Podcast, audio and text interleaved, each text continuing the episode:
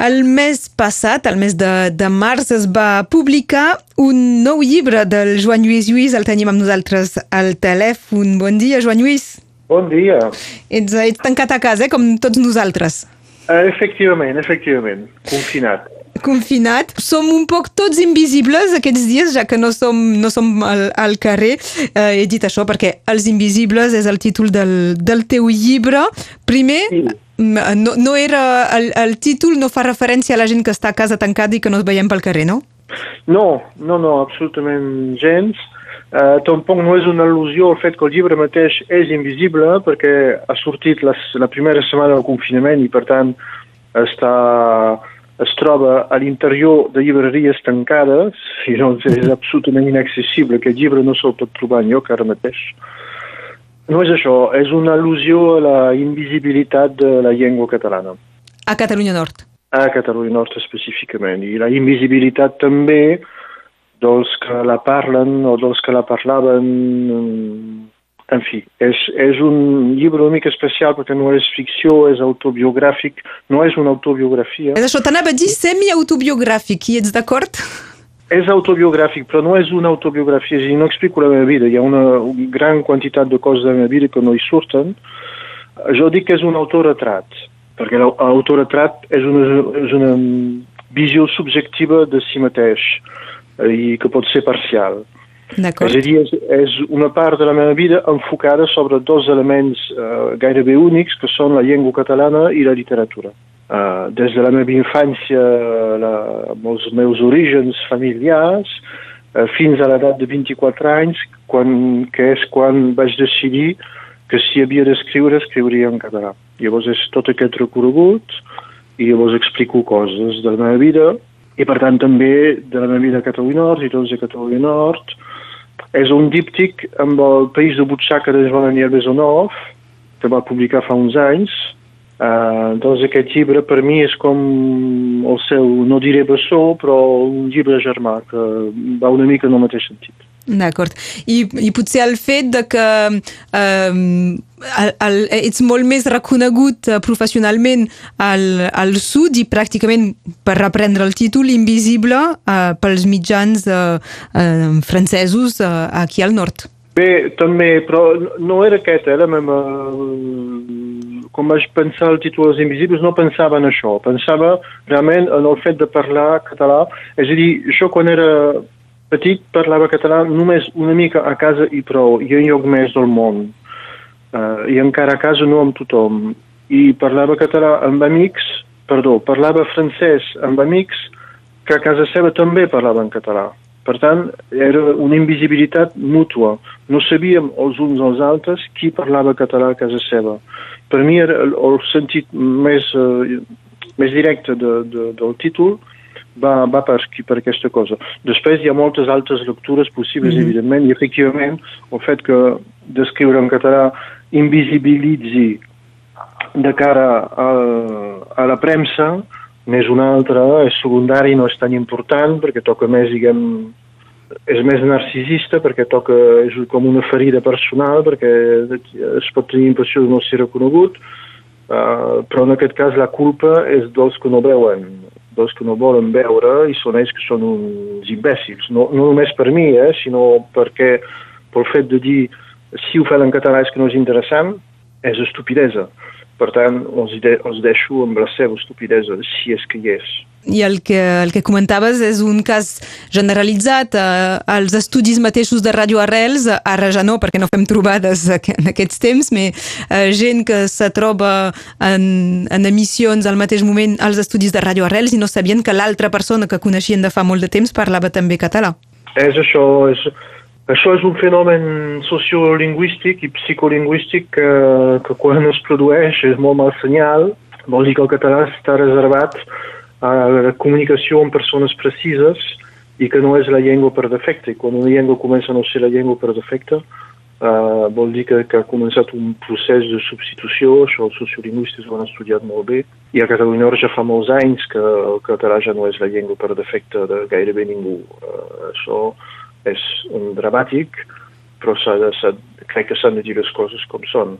Joan Lluís, eh, el fet que justament pel calendari ha sortit eh, en aquests eh, moments de, de confinament i de llibreries tancades eh, i que no, no és l'únic cas, ja que era eh, un mes, un mes i mig de, de la festa de Sant Jordi, que és quan més es publiquen llibres a, a Catalunya, és que mm, penses que, que serà perjudicial? És que tornaràs a fer una, una campanya de promoció d'aquí uns mesos, d'aquí un any?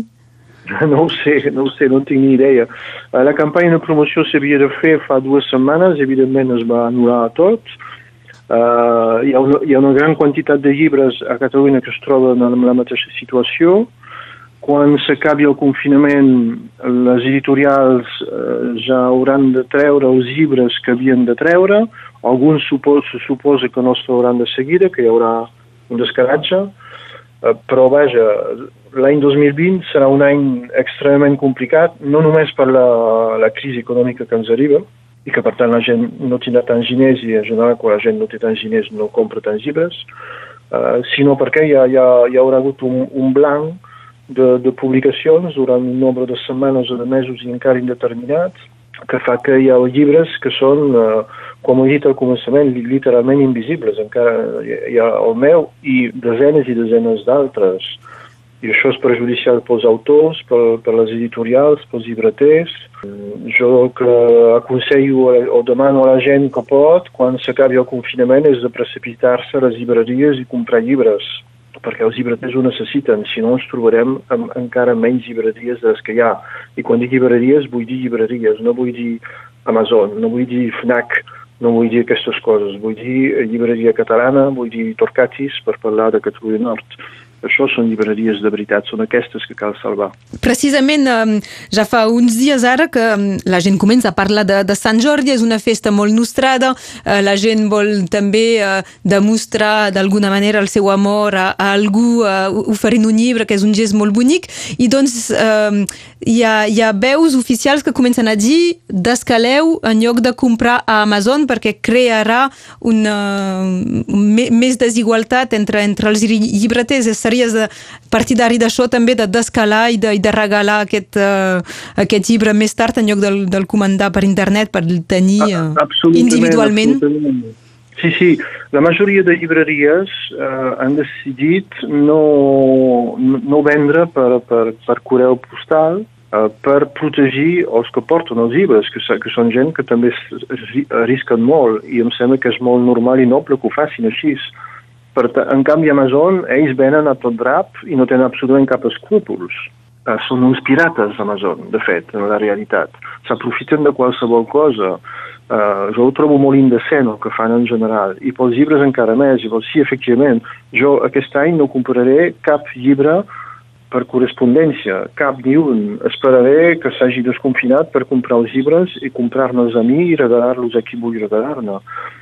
Uh, es diu que si es pot, uh, Sant Jordi seria traslladat com a festa del llibre el dia de Sant Joan a Catalunya Sud. Ara mateix jo tinc dubtes que es pugui fer perquè em sembla que el grau de desconfinament raonable serà encara massa, massa poc, massa baix perquè es pugui fer, però vaja, no passa res.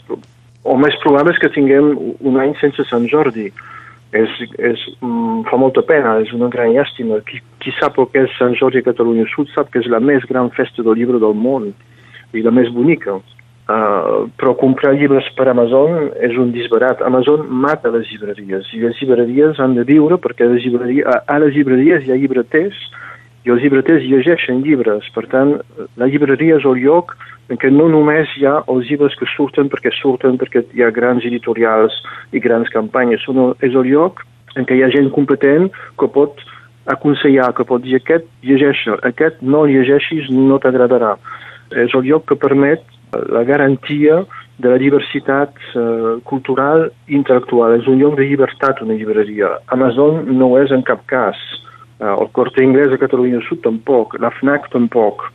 Sí, perquè el super, i els supermercats també són oberts i poden proposar alguns llibres, per exemple. Sí, sí, sí, clar, clar. Bo, D'acord, pels autors i les editorials està bé, però comprar llibres de supermercats també mata les llibreries. El dia que, que tanquin llibreries, a tothom li sap greu, fins i tot la gent que ha comprat llibres a supermercats i Amazon i que ha fet que es morissin les llibreries.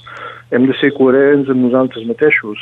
Uh, jo prefereixo que la gent no compri els meus llibres i que esperi que obrin les llibreries, ho dic molt clarament, no ho dic ara, però això ho he dit sempre, cada vegada que he pogut parlar d'això, ho dic, és molt important anar a les llibreries.